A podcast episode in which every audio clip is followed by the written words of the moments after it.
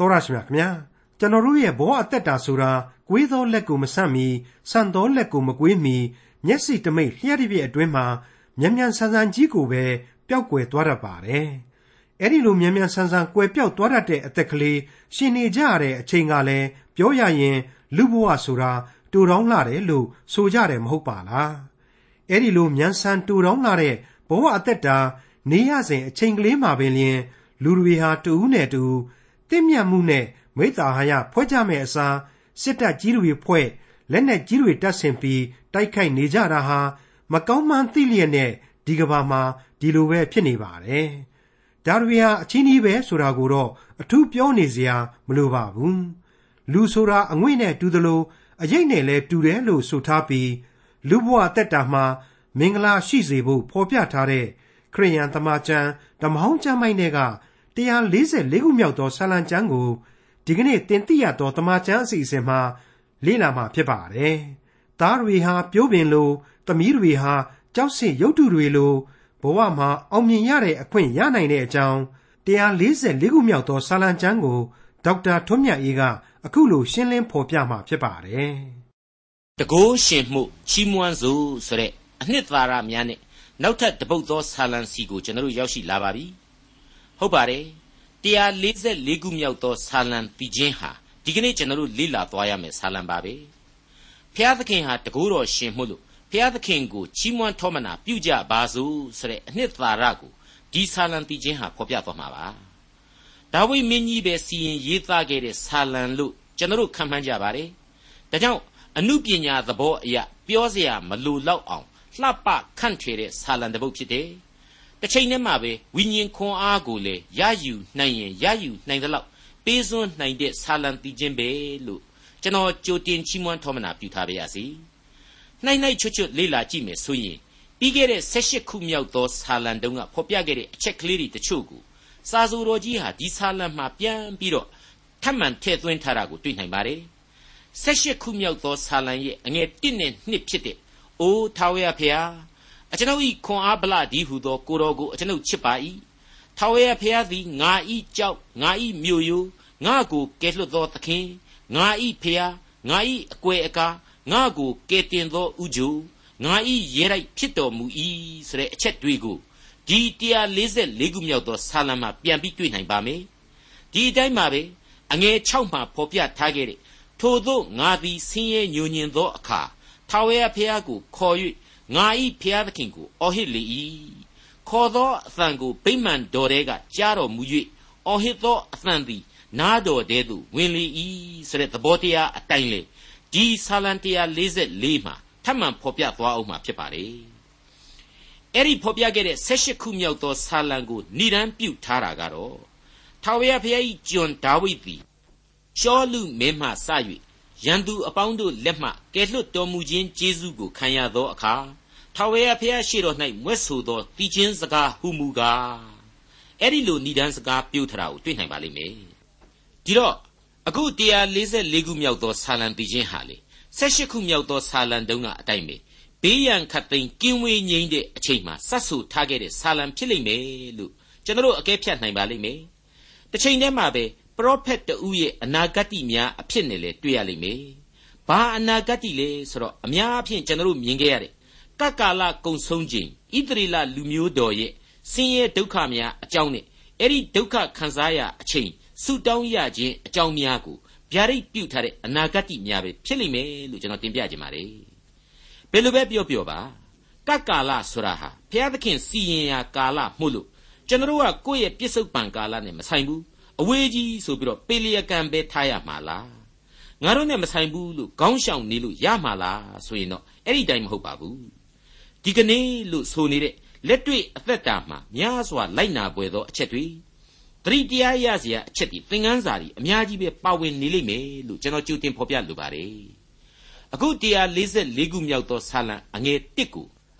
အခုလိုကျွန်တော်တို့စတင်ကျမ်းနာပါလိမ့်မယ်ငါဤကြောက်ကြီးဟုသောထာဝရဘုရားသည် မင်္ဂလာရှိစေတော်မူသည်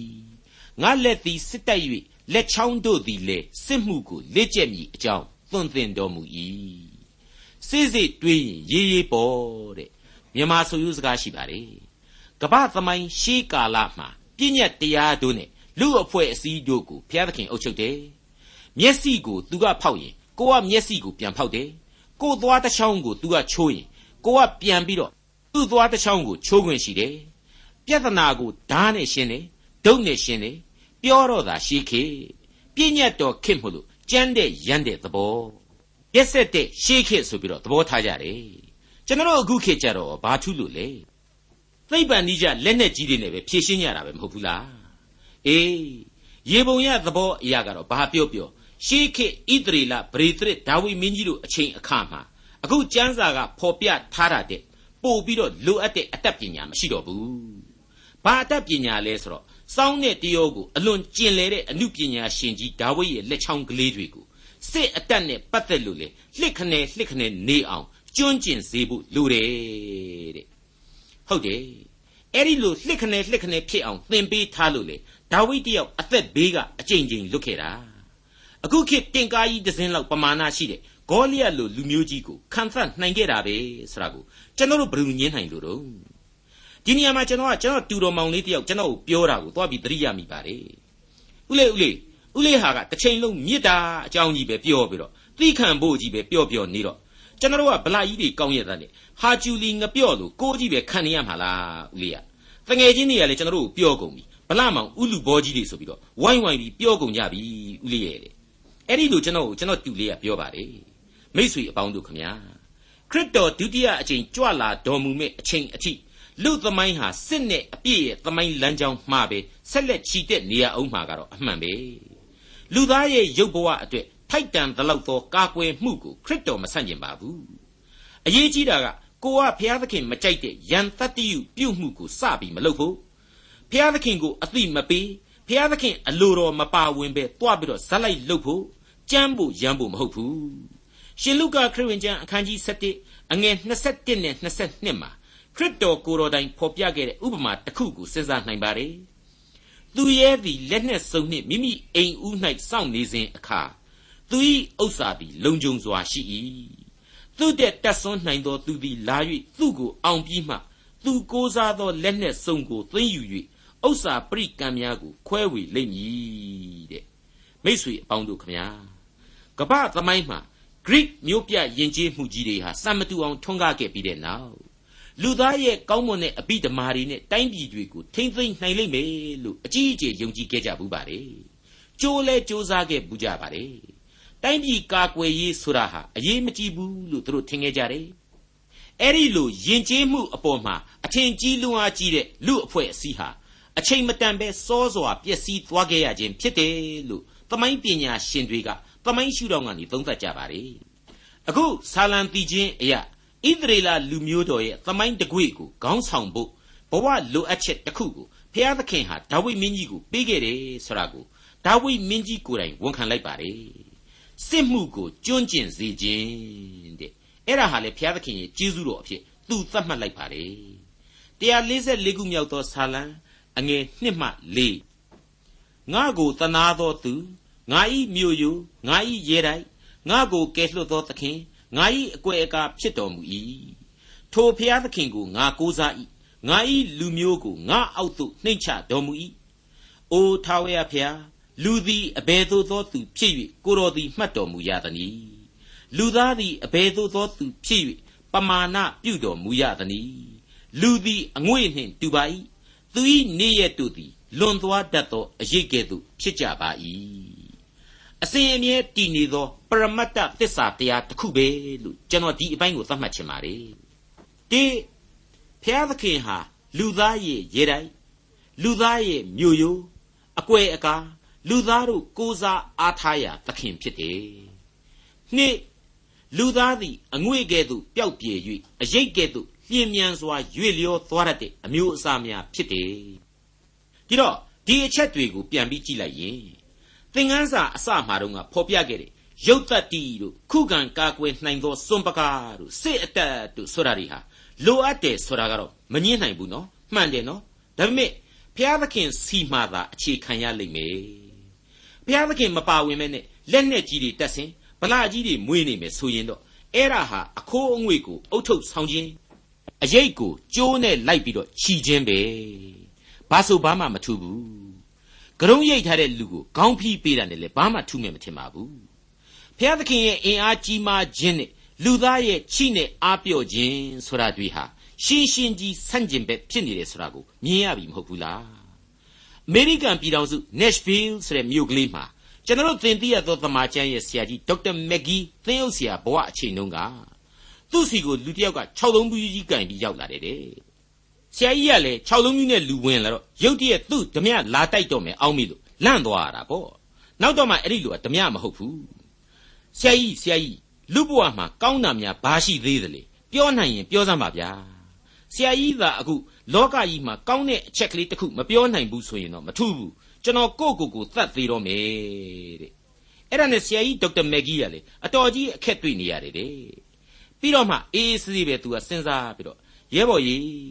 လူဘဝကြီးကောင်းတာမကောင်းတာအသာထားအဲ့ဒီလိုမကောင်းတဲ့လူဘဝကြီးကနေ သတ်သေးပြစ်လိုက်တော့ကိုပို့ပြီးကောင်းလာမှာမဟုတ်တာကတော့သိကြတယ်အဲ့ဒီမကောင်းတဲ့လူဘဝကြီးဟာခမားလိုလူတယောက်ကိုကိုကိုသတ်သေးလို့ကောင်းလာမှာမဟုတ်ဘူးဘာဖြစ်လို့လဲဆိုတော့ခမားသေသွားမယ်ဆိုပါတော့ဒါဟာဘုရားသခင်ခေါ်တာမဟုတ်ဘူးဘုရားသခင်ကမင်းခံစေဆိုတဲ့လောကရန်ကိုခမရမခံမဲနဲ့တော်လှန်ပုန်ကန်တဲ့သဘောတက်တက်သာဖြစ်နေတယ်ဘုရားသခင်ဒါကိုမကြိုက်ဘူးလောကမှာဘလောက်ပဲသေမတက်စိတ်ညစ်နေနေ အဲ့ဒီသေခြင်းလောက်အောင်ဖြစ်နေတာကိုကပဲဘုရားသခင်ကိုတိုင်တယ်ဘုရားသခင်ကိုဆုတောင်းအဲ့ဒီလိုတိုင်တယ်ရတာဆုတောင်းရတာကိုကဘင်းဖြင့်လူဘဝရဲ့အမျက်အစွန်းကြီးတစ်ခုပဲဆိုပြီးတော့ပြန်ပြီးတော့အားပေးလိုက်ရပါတယ်တဲ့ဟုတ်ပါတယ်ဓမ္မတိချင်းအမှတ်စဉ်256မှာ Guide me O thou Jehovah ဆိုတဲ့သချင်းရှိပါတယ်ဗမာလိုမှာကျတော့တောရက်ကျွန်းတော်သွားသောဧည့်သည်တဲ့တိုင်းရင်းသားဘာသာစကားအသီးသီးနဲ့လေဒီသချင်းရှိနေမှာပါ အဲ့ဒီသချင်းထဲမှာပါတယ်လေတောရက်ကျွန်းတော်သွားသောဧည့်သည်လမ်းပြတော်မူပါဖေဟာကိုတော်စွမ်းကြီးကျွန်းတော်အားနေလက်တော်ကင်ဆွဲမစားပါသက်အာဟာရသက်အာဟာရကောင်းကင်ကပေးတော်မူပါတဲ့တနည်းအားဖြင့်ကတော့အသက်တာမှာဘုရားသခင်ကိုအာမကိုဘူးဆိုရင်တော့ရုပ်ဘဝအစာရည်စာကိုသာကိုကရှာစားလို့ရကြင်ရင်ရမယ်ဝိညာဏအာဟာရကတော့ဧကန်အမှန်ပြတ်သွားရမှာမဟုတ်ချအသေးအချပဲ 144ခုမြောက်သောဇာလံအငယ်9မှ6အိုးထာဝရဖျားကိုတော်ဤမိုးကောင်းခင်ကိုညှို့၍ဆင်းသက်တော်မူပါတောင်တို့ကိုတို့တော်မူပါသူတို့သည်မိကိုထွက်ကြပါလိမ့်မည်လျှက်စစ်ပြက်စေ၍လေးမြားတော်တို့ကိုပြစ်သဖြင့်ရန်သူတို့ကိုအရရက်သို့ကွဲပြားစေ၍နှိပ်စက်တော်မူပါအထက်အရက်ကလက်တော်ကိုဆန့်၍အကျွန်ုပ်ကိုနှုတ်တော်မူပါတခဲနဲ့သောရည်တွေက၎င်း တကြွတနိုင်ငံသားတို့၏လက်ထဲက၎င်းဆယ်ယူကဲ့တင်တော်မူပါသူတို့၏နှုတ်သည်မှုသာစကားကိုပြောရပါ၏သူတို့၏လက်ရလက်သည်လေလှဲ့စားတတ်သောလက်ဖြစ်ပါ၏ဖျားရှင်ကောင်းကင်ကိုညှို့၍တောင်တို့ကိုတို့ပါဆရာဟာလူသမိုင်းကိုပြစ်မထားပါနဲ့ဆိုတဲ့အသနာခံစံပါပဲအမှန်တော့မလိုပဲနဲ့တောင်းတဲ့ဆုဆိုပြီးတော့တချို့ကခံယူကြပါတယ်အဲ့ဒီလိုသာပြောကြဆိုရင်တော့ ဘုရားသခင်ကိုဘာဆုမှကိုတောင်းမနေကြနဲ့တော့ဘာဖြစ်လဲဆိုတော့ဘုရားသခင်ကသူ့အကုန်သိတယ်မမွေးမိကပင်ရင်ကောင်းကြီးပေးတယ်လို့ဆိုထားပြီးပြီမဟုတ်ဘူးလားမိတ်ဆွေအပေါင်းတို့လူကိုငါဖန်ဆင်းထားတယ်သူတို့အတွက်လုံလောက်တဲ့ပထဝီမြေကြီးကိုလည်းစီစဉ်ထားတာပဲဒင်းတို့ကြည်ကျက်ရှာဖွေစားတော့ကြပါစေဆိုပြီးတော့ဘုရားသခင်ဘယ်တော့မှသဘောမထားခဲ့ဘူးအဲ့ဒီလိုပါပဲဘုရားသခင်ရဲ့ဖန်ဆင်းတော်မူခြင်းကိုခံရတဲ့ကျွန်တော်တို့လူသတ္တဝါတွေကြတော့ကော ကျွန်တော်တို့တွေကဘုရားသခင်ရဲ့ဗြိညင်အထုံးအဖွဲ့တော်တွေနဲ့သာတည်နေကြရမယ်ဒါပေမဲ့ဒီအထုံးအဖွဲ့တွေကိုဖြီးပစ်ပြီးတော့လူအချင်းချင်းဂယုမဆိုင်တာမျိုးလို့ဘုရားသခင်ကိုဂယုမဆိုင်တော့ဘူးဆိုတာမျိုးဖာသိဖာသာသွားပြီးလှုပ်ပြီးမနေရပါဘူးဒါဟာအင်မတန်အပြစ်ကြီးပါတယ်ဟုတ်ပါတယ်ဘုရားသခင်ရဲ့လူလောကအဖွဲ့အစည်းဟာဘယ်လိုတည်နေရတယ်ဆိုတာကိုဟေရှာယအနာဂတိကျမ်းအခန်းကြီး64အစပိုင်းမှာအခုလိုမြင်နိုင်ပါတယ် ကိုတော်သည်မိုးကောင်းကင်ကိုဖွင့်လှစ်၍ဆင်းသက်တော်မူပါစေသောရှေ့တော်၌တောင်တို့သည်လှုပ်ကြပါစေသောမိသည်အမိုက်ကိုလောင်တကဲ့သို့၎င်းရေကိုစူစေတကဲ့သို့၎င်းဖြစ်ပါစေသောတို့ဖြစ်လျင်ကိုတော်၏ရန်သူတို့သည်နာမတော်ကိုသိ၍ရှေ့တော်၌လူအမျိုးမျိုးတို့သည်တုန်လှုပ်ကြပါလိမ့်မည်အကျွန်ုပ်တို့မျှော်လင့်သည်တဲ့အံ့ဘွယ်သောအမှုတို့ကိုပြုတော်မူသောအခါဆင်းသက်တော်မူ၍တောင်တို့သည်ရှေ့တော်၌လှုပ်ကြပါ၏ ကိုတော်ကိုမျှော်လင့်သောသူတို့အဖို့အလို့ငှာကျေးဇူးပြုတော်မူသောဖျားကိုတော်မှတပါအခြားသောဖျားသခင်ကိုကကဘာဦးမှစ၍အဘယ်သူမျှမကြားမသိပါနားဖြင့်မကြားမျက်စိဖြင့်မမြင်စဖူးပါအဲ့ဒီလိုဖော်ပြထားတာကိုတွေ့ရပါတယ်ဒါဘလောက်ထိအံ့ဩဖို့ကောင်းတယ်လေဒီအနာဂတ်တိစာပေဟာဒါဝိမင်းကြီးရဲ့ဆာလံတီချင်းမှာကလေးကဖတ်ခဲ့တဲ့144ခုမြောက်သောဆာလံအငယ်9နဲ့6အရာ ဗျာဒိတ်တော်မှတ်ခဲ့ပြီးပြီလို့ကျွန်တော်အခိုင်အမာယူဆပါတယ်။အိုးထာဝရဖျားကိုတော်ဤမိုးကောင်းကင်ကိုညှို့၍ဆင်းသက်တော်မူပါ။တောင်တို့ကိုတို့တော်မူပါ။သူတို့သည်မိကိုထွက်ကြပါလိမ့်မည်။လျှက်စစ်ပြက်စေ၍လေးမြားတော်တို့ကိုပြစ်သဖြင့်ရန်သူတို့ကိုအရရတုကွဲပြားစေ၍နှိပ်စက်တော်မူပါဆရာဟာဒီဗျာဒိတ်တော်နဲ့ဘာထူးတယ်လဲအဲ့ဒီလောက်ပြည်ပြင်းတဲ့ဘုရားသခင်ကိုတော်တိုင်လူအဖွဲ့အစည်းကိုဆင်းသက်ခြင်းအကြောင်းဟာ အတိတ်ရှေးသမိုင်းတုန်းကလူမျိုးတော်ကိုပြည့်ညတ်တော်များချထားပေးဖို့ရန်အတွက်သိနာဆိုတဲ့တောင်ကြီးပေါ်ကိုဆင်းသက်ခြင်းတဲ့ပို့ပြီးတော့ပြင်းထန်ခဲ့လိမ့်မယ်ပုံမိုကြောက်မဲ့ဖွယ်ကောင်းလိမ့်မယ်ဘုံတကောအရှိန်ပြင်းထန်လိမ့်မယ်မတရားသောစာရမဏတ်နဲ့စာရန်ဘက်တော်သားတွေကိုစစ်တိုက်ခြင်းတွေပါဝင်တဲ့အတွက်ကြောင့်မဟာမဟာကြောက်မဲ့ဖွယ်သောစစ်ရေးဆိုင်ရာဆင်းသက်ခြင်းလည်းဖြစ်လိမ့်မယ်လို့ကျွန်တော်တွက်ဆပါတယ်ဒါဟာကကာလအချိန် တရားစီရင်တော်မူခြင်းအတွက်ဆင်းသက်ခြင်းပဲဖြစ်ရလိမ့်မယ်ဆိုတာဟာလေရှင်းနေပါလေဒီအကြောင်းတွေကိုထိထိမိမိကြီးမြင်ရတာကတော့ဗျာဒိတ်ကျမ်းထဲမှာဖြစ်ပါတယ်ဗျာဒိတ်ကျမ်းအခန်းကြီး19အငယ်7ကနေ16ကိုဖတ်ရှုကြည့်စေခြင်းပါတယ်ထိုအခါကောင်းကင်ဘုံဖွင့်လှစ်လျက်ရှိသည်ကိုငါမြင်လျင်မြင်းပြူရှိ၏မြင်းစည်းသောသူသည်သစ္စာဟုသောအမည်သမာဟုသောအမည်ရှိသည် ထိုသူသည်တရားသဖြင့်စီရင်တတ်၏တရားသဖြင့်စစ်တိုက်တတ်၏မျက်စိတော်သည်မိလျံကဲ့သို့ဖြစ်၏ခေါင်းတော်ပေါ်၌သရဖူများကိုဆောင်း၏ကိုယ်တိုင်မှတပါအဘယ်သူမျှမသိသောနာမတော်သည်ရေးထားလျက်ရှိ၏အသွေး၌နှစ်ပြီးသောအဝတ်ကိုဝတ်၏ဖျားသခင်၏နှုတ်ကပတ်တော်ဟူသောအမည်ရှိ၏ကောင်းကင်ဘိုးကြီးတို့သည်မြင်းပြူကိုစီးလျက်စင်ကြဲသောပိတ်ချောပြူကိုဝတ်လျက်နောက်တော်သို့လိုက်ကြ၏ လူမျိုးတို့ကိုဒဏ်ခတ်เสียဖို့ခက်သောတန်လျက်သည်ကတွင်တော်တဲကထွက်၏သူတို့ကိုတန်လှန်တန်နှင့်အုပ်ဆိုးတော်မူမည်အနန္တတကုနှင့်ပြည့်စုံတော်မူသောဘုရားသခင်၏ဒေါသအမျက်တော်၏စပြစ်သီးနေရာတစားကိုဖိနှင်းတော်မူမည်ဘယင်တို့၏ဘယင်သခင်တို့၏သခင်ဟုဘွဲ့နာမတော်သည်အဝတ်တော်၌၎င်းပေါင်တော်၌၎င်းရေးထားလျက်ရှိ၏ မိษွေအပေါင်းတို့ခမညာဒီဗျာဒိတ်ကျမ်းကဖော်ပြချက်ဟာခရစ်တော်ရဲ့ဒုတိယအကြိမ်မြေကြီးပေါ်ကိုတရားစီရင်ဖို့ကြွဆင်းခြင်းကျွန်တော်သိခဲ့တဲ့အတိုင်းပထမအကြိမ်လူစားတီကိုခံပြီးတော့ခရစ်တော်ရဲ့ခံယူဆင်းသက်ခြင်းဟာကျွန်တော်လူသားတွေကိုကယ်တင်ခြင်းတရားအတွက်ဖြစ်တယ်တရားစီရင်ဖို့မဟုတ်ဘူးအခုဖတ်ခဲ့ရတဲ့ဗျာဒိတ်တော်မှာတွေ့ရတဲ့ဆင်းသက်ခြင်းမျိုးအရှင်းမဟုတ်ခဲ့ရှာပါဘူးကယ်တင်ခြင်းတရားကောင်းကင်အမွေ ထာဝရအသက်ဖြောင့်မတ်ခြင်းအခွင့်အရေးများကိုပေးဖို့ရန်အတွက်လူသားတို့အတွက်မေတ္တာများစွာပေး၍ဆင်းသက်ခြင်းသာဖြစ်ခဲ့ပါလေ။ဘာကြောင့်အခုလိုအသက်ပေး၍ရွေးရသလဲ။ဘာဖြစ်လို့ကယ်တင်ခြင်းကျေးဇူးကိုပြုရသလဲ။တိသူကိုယ်တိုင်ဖန်ဆင်းထားတဲ့လူသားဖြစ်တယ်။သူကိုယ်တိုင်ဝိညာဉ်တော်မှုတ်သွင်းပေးခဲ့တဲ့လူများမို့လို့သူချစ်လို့ကယ်တင်ဖို့ဖြစ်တယ်။နှစ်လူမျိုးတကာတို့ကိုကောင်းကြီးပေးအောင်မယ်ဆိုပြီးတော့ ကဘာဦးကလေးကဗြိညင်ပြုတ်ခဲ့တဲ့အတွက်ဒီဗြိညင်သစ္စာတော်ကိုတည်စေဖို့ဖြစ်တယ်။ကောင်းပြီ။အဲ့ဒီအချက်နှစ်ခုအပြင်ဘယ်အချက်ကိုဖြည့်ဆွက်သင့်တယ်လို့ထင်ပါသလဲ။ကျွန်တော်အနေနဲ့ကတော့သုံးအချက်အဖြစ်ထပ်မံဖြည့်ဆွက်ချင်တာရှိလာပါတယ်။အခုဆာလံတီချင်းဟေရှာယအနာဂတိကျမ်းဗျာဒိတ်ကျမ်းတို့ရဲ့ဖော်ပြချက်အရာပြင်းထန်သောတရားစီရင်ခြင်းဆရာဟာရှိကိုရှိမှဖြစ်လို့ အဲ့ဒီလိုကြောက်မဲ့ဖွယ်သောတရားစီရင်ခြင်းကနေလူသားတွေကိုလွတ်ကင်းစေခြင်းလို့သာဖြစ်တယ်ဆိုတာကိုကျွန်တော်ဖြည့်ဆွက်လိုက်ပါရစေ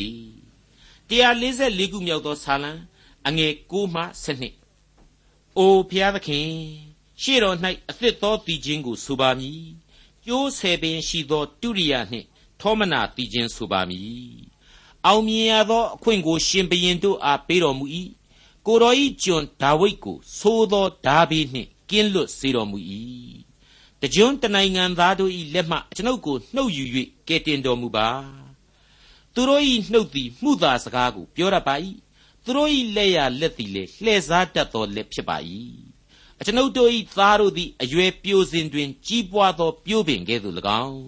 သမီးတို့သည်ဘုံဗိမ္မာန်ဤတုထုသောတိုက်တောင့်ကြောက်တိုင်ကဲ့သို့၎င်းဖြစ်ကြပါစေသော အသစ်သောတည်ခြင်းကိုဆိုပါမည်တဲ့အဲ့ဒီအချက်ဟာကယ်တင်ရှင်တရားလမ်းဟာပြည့်ညတ်တော်များနဲ့ဖုံးလွှမ်းနေတဲ့ဓမ္မဟောင်းကာလကနေပြီးတော့အသစ်သောလမ်းကြောင်းအဖြစ်ပေါ်ထွက်လာရလိမ့်မယ်။ဒါကြောင့်မလို့အသစ်သောတည်ခြင်းကိုဆိုပါမည်ဆိုတာကိုဖော်ပြလိုက်ခြင်းပဲဖြစ်ပါတယ်။ဒါကိုတစ်ချိန်ကသင်ခန်းစာတစ်ခုမှလေကျွန်တော်ရှင်းပြခဲ့ပြီးသားပါ။မိษွေတော်တတ်ရှင်အပေါင်းတို့တစ်ချိန်ထဲမှာကောင်းကင်နိုင်ငံတော်တည်ထောင်တဲ့အချိန် ကကလာကလွန်မြောက်ပြီးတဲ့နောက်ပိုင်းမှာကယ်တင်ရှင်သခင်ခရစ်တော်ကိုတော်တိုင်အုပ်စိုးတဲ့ကောင်းကင်နိုင်ငံတော်မှာလေခရစ်တော်ရဲ့ကယ်တင်ရှင်ယေရှုဂုံတော်အတွေ့ယုံကြည်သူလူသားအပေါင်းတို့အသစ်ဆိုးဖွဲ့သောတည်ခြင်းဖြစ်မယ်လို့လေရည်ညွှန်းရင်ဖြစ်နိုင်လိမ့်မယ်လို့ကျွန်တော်ယူဆမိပါတယ်အသစ်သောတည်ခြင်းကိုဆိုပါမည်တဲ့လောက်ကောင်းတယ်လေအဲ့ဒီအချိန်ကာလမှာကျေးဇူးတော်ဟာအကျွင့်မဲ့ပြည့်စုံလျက်ရှိနေပြီ စာရမဏတ်ဟာအပီးတိုင်သုတ်သင်ခြင်းကိုခံလိုက်ရပြီတရားစီရင်ခြင်းအမှုတို့လည်းပြီးပြတ်သွားပြီဖြစ်တဲ့အတွက်ကြောင့်အောင်မြင်ခြင်းမှအောင်မြင်ခြင်းသို့မြင်ရသောထာဝရအောင်မြင်ခြင်းကာလဖြစ်တယ်လို့ဒီအပိုင်းဟာဗျာဒိတ်ပြုလိုက်ပါတယ်144ခုမြောက်သောဆာလံအငယ်73မှ15အကျွန်ုပ်တို့၏ဗန္တာတိုက်တို့သည်အစားအသောက်အသုံးအဆောင်များနှင့်ပြည့်စုံခြင်းသိုးတို့သည် ပြေအရ၌အထောင်အသောင်းမွေးဖွားခြင်း နွားတို့သည်လည်းကြီးပွားများပြားခြင်းရှိပါစေသောအနိုင်အထက်ဝင်ခြင်းမရှိသိမ့်သွားခြင်းမရှိလမ်းတို့၌ကြွေးကြော်မြည်တမ်းခြင်းမရှိပါစေနှင့်ထိုသို့နေသောလူမျိုးသည်မင်္ဂလာရှိပါ၏ထာဝရဘုရားသည်အကျင့်လူမျိုး၏ဘုရားသခင်ဖြစ်၏ထိုလူမျိုးသည်မင်္ဂလာရှိပါ၏မိတ်ဆွေတော်တတ်ရှင်အပေါင်းတို့ခမညာအမှတ်တမဲ့ဆိုရင်တော့နော်ပရိသရစ်မင်းတပါးရဲ့ကြွယ်ဝချမ်းသာတဲ့ခေတ်တစ်ခုကိုထုံမွှန်းလိုက်တယ်လို့ပဲလို့ ကျွန်တော်ရမ်းပြီးတော့ထင်เสียရှိပါတယ်ထင်လို့လျင်ထင်ကြပါခံယူလို့လျင်ခံယူကြပါအကယ်၍အဲ့ဒီလိုအဆင့်အထိပဲခံယူမယ်ဆိုရင်လေကျွန်တော်ရဲ့လက်တွေ့ဘဝအတွက်သင်ခန်းစာများဧကန်အမှန်ရယူနိုင်တာပါပဲကျမ်းထဲမှာဖော်ပြထားတယ်လीဒါဟာမင်္ဂလာရှိသောလူမျိုးရဲ့ခံစားရဆုကျေးဇူးဖြစ်တယ်တဲ့မင်္ဂလာရှိသောလူဆိုတာဟာခရစ်တော်ရဲ့ဘက်ကလူအသက်လမ်းပေါ်ကလူဆိုတာကို တခုမြောက်သောဆာလံကလေးကကျွန်တော်ရှင်းပြခဲ့ပြီးပြီမဟုတ်ဘူးလားဒီတော့ဝိညာဉ်ရေးလက္ခဏာဖြစ်တယ်ဆိုတာကိုတွေ့နေရပြီလေထာဝရဘုရားသည်အကျင့်လူမျိုး၏ဘုရားသခင်ဖြစ်၏ထိုလူမျိုးသည် မင်္ဂလာရှိပါ၏တဲ့မင်္ဂလာရှိသောသူနဲ့မတရားသောသူဆိုတာကိုကျွန်တော်ဆောင်းကပြောခဲ့တဲ့အတိုင်းဆာလံပီချင်းတို့ရဲ့အစမှာကလေးကဆန့်ကျင်ဘက်တရုပ်ပြထားသလိုလူလောကရဲ့အပြက်လန်းရဲ့အသက်လန်းရဲ့နှစ်ခုရှိထားတယ်အဲ့ဒီလမ်းနှစ်လမ်းပေါ်မှာ လူဒန်းစားဟာလေနှမျိုးရှိနေတယ်ဆိုတာကိုကျွန်တော်နားလေခဲ့ကြပြီးသားဖြစ်ပါတယ်ဒီတော့ကိုဟာဘယ်လိုလူစားမျိုးဖြစ်ချင်တယ်လဲမင်္ဂလာရှိသောသူဆိုတဲ့ခရစ်တော်ရဲ့အသက်လမ်းပေါ်ကလူအဖြစ်ခံယူကြမယ်ဆိုရင်တော့ကြွယ်ဝပြည့်စုံသောလောကအသက်တာလောကီအသက်တာနှစ်ဖြာသောကျေးဇူးကိုခံယူရမှာသာဖြစ်ပါတယ်မတရားသောသူသို့မဟုတ်စာရန်ဘက်တော်သားအပြက်လမ်းပေါ်ကလူဘဝကိုခံယူမယ်ဆိုရင်တော့ လေတိုက်၍လွင့်သောဖွဲတရားဆုံးဖြတ်တော်မူရာကာလ၌ဘဝပြက်သောဘဝများသာဖြစ်ရမှာဧကန်အမှန်ပဲဖြစ်ပါလေတစ်ချိန်တည်းမှာပဲအခုဆာလံတီချင်းရဲ့ဗျာဒိတ်တော်များဟာကောင်းကင်နိုင်ငံတော်မြေပေါ်မှာတီထောင်ခြင်းကာလရဲ့သရုပ်များကိုရှင်းလင်းစွာဖော်ပြနေတယ်လို့လည်းကျွန်တော်ဆိုချင်ပါတယ်ကျွန်တော်အဖို့ကတော့ခြာနာခြင်းကြီးစွာရှိတယ်လို့မခံယူပါဘူးဗတ္တိဇံဆရာယောဟန်ကနေပြီးတော့ကောင်းကင်နိုင်ငံတော်တီလူနီးပြီဆိုတဲ့အသံကို ကျွန်တော်ဒီနေရာမှာချက်ချင်းသွားပြီးတော့ကြားရောက်မိပါတယ်ခရစ်တော်ကိုတော်တိုင်ဒုတိယအကြိမ်ကြွလာတော်မူခြင်းတရားစီရင်တော်မူခြင်းကောင်းကင်နိုင်ငံတော်တည်ထောင်ခြင်းဆိုတာဒီဟာဘယ်အနာဂတ်ဘယ်အချိန်ကာလမှမှအတီးဖြစ်မှာလဲဆိုတာကိုကျွန်တော်မသိတယ်လို့မိษွေတို့လည်းမသိဘယ်ဓမ္မပညာရှင်တို့မှလည်းအတိအကျမသိနိုင်ပါဘူးဒါပေမဲ့ကယ်တင်ရှင်သခင်ခရစ်တော်ကိုယုံကြည်သောအသက်တာ ကျေးဇူးနဲ့ဂရုနာတော်ကိုသာအမိသဟဲပြုသောအသက်တာနောင်တနှလုံးသားနဲ့ကျိုးပဲ့ကြေမွသောစိတ်အစဉ်များနဲ့အစဉ်သဖြင့်သခင်နှင့်ယုံကြည်မျှော်လင့်အစဉ်သင့်ရှိသောလူတစ်ယောက်အဖို့သူရှင်သန်ရာအသက်တာကာလမှာပင်ဖြင့်ကောင်းကင်နိုင်ငံတော်ရဲ့အရေးအငွေ့များစွာတို့ကိုထိတွေ့ခံစားနေကြရမှာသာဖြစ်တယ်ဆိုတဲ့အကြောင်းကိုကျွန်တော်အလေးနဲ့ယုံကြည်တဲ့အတိုင်း ကျွန်တော်ဟာမိษွေတို့ကိုဒီအကြောင်းကိုအချိန်ချင်းရှင်းလင်းဖော်ပြခဲ့ပြီးဖြစ်ပါတယ်မိษွေတော်တတ်ရှင်အပေါင်းတို့ခမညာကောင်းကင်နိုင်ငံတော်တည်လူနီးပြီနောင်တရကြလောဆိုပြီးတော့ဗတ္တိဇံဆရာယောဟန်ကြီးညာခဲ့ပါတယ်ကျွန်တော်ဒီကနေ့ကောင်းကင်နိုင်ငံတော်ကိုထိတွေ့ခြင်းကြပါသလားကယ်တင်ခြင်းတရားကိုလက်ခံကြပါကယ်တင်ရှင်သခင်ခရစ်တော်ကိုလက်တွဲမဖြုတ်စရန်ယုံကြည်ကြပါသူ့ရဲ့အလိုတော်ကိုလိုက်လျှောက်ကြပါ ဖျားသခင်ပြုတော်မူသောကျေးဇူးတော်လမ်းပေါ်မှာအသက်လမ်းပေါ်မှာရှောက်လှမ်းကြပါလို့ကျွန်တော်လေးနဲ့စွာတိုက်တွန်းအားပေးလိုက်ပါတယ်မိษွေတော်တတ်ရှင်အပေါင်းတို့အခုဆာလံဆရာဒါဝိမင်းကြီးအနေနဲ့ဒီအချက်ကိုပဲမိษွေတို့ကျွန်တော်တို့အတွက်အတီးပြုတ်ပေးလိုက်တယ်လို့ကျွန်တော်ယင်ထဲမှာခန်းစားရပါကြောင်းလေးနဲ့စွာတင်ပြခြင်းပါတယ်။အိုးအဖဖျားသခင်ရှေ့တော်၌အသစ်သောယုံကြည်ခြင်းနှင့်တည်ခြင်းကိုဆိုပါမည်။ ထာဝရဘုရားသည်အကျင့်လူမျိုး၏ဘုရားသခင်ဖြစ်၏။ထိုလူမျိုးသည် မင်္ဂလာရှိပါ၏။အကြောင်းမူကားထိုသူတို့သည်မျက်နားမှစိုက်လျက်အချိန်တန်မှအသီးကိုတီး၍အရွက်မညှိုးနွမ်းတတ်သောအပင်နှင့်တူပါလိမ့်မည်။ပြုလေသမျှတို့၌အောင်လိမ့်တည်းမိษွေတို့အားလုံးအပေါ်မှာဘုရားသခင်ကောင်းကြီးပေးပါစေဒေါက်တာထွန်းမြတ်ရေးစီစဉ်တင်ဆက်တဲ့တင်ပြတော်တမချန်းအစီအစဉ်ဖြစ်ပါတယ်နောက်တစ်ချိန်အစီအစဉ်မှာ ခရိယန်တမချန်းဓမ္မဟောင်းကျမ်းပိုင်းမှာပါရှိတဲ့145ခုမြောက်သောစာလံကျမ်းနဲ့146ခုမြောက်သောစာလံကျမ်းတို့ကိုလေ့လာမှာဖြစ်တဲ့အတွက်စောင့်မျှော်နားဆင်နိုင်ပါတယ်။